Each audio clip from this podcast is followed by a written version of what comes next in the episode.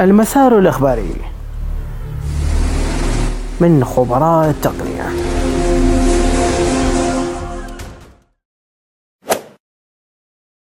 أبل تطلق موقعا يساعد على تشخيص لمرضى كورونا.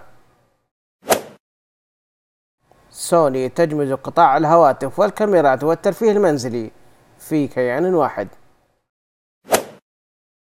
هواوي تقول أن مستخدمي خدمة mobile services البديلة عن جوجل services. بلغ 400 مليون مستخدم في 170 دولة حول العالم.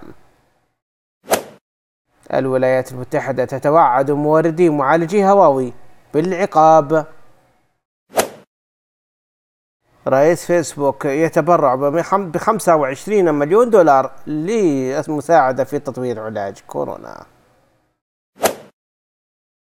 هواوي تطلق جهاز بي 40 وبي 40 برو ولكن دون خدمات جوجل.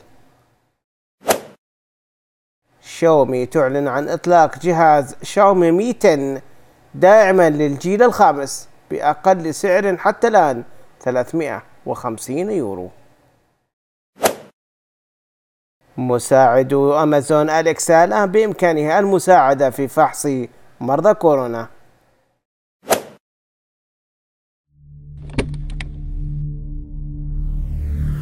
المسار الإخباري من خبراء التقنية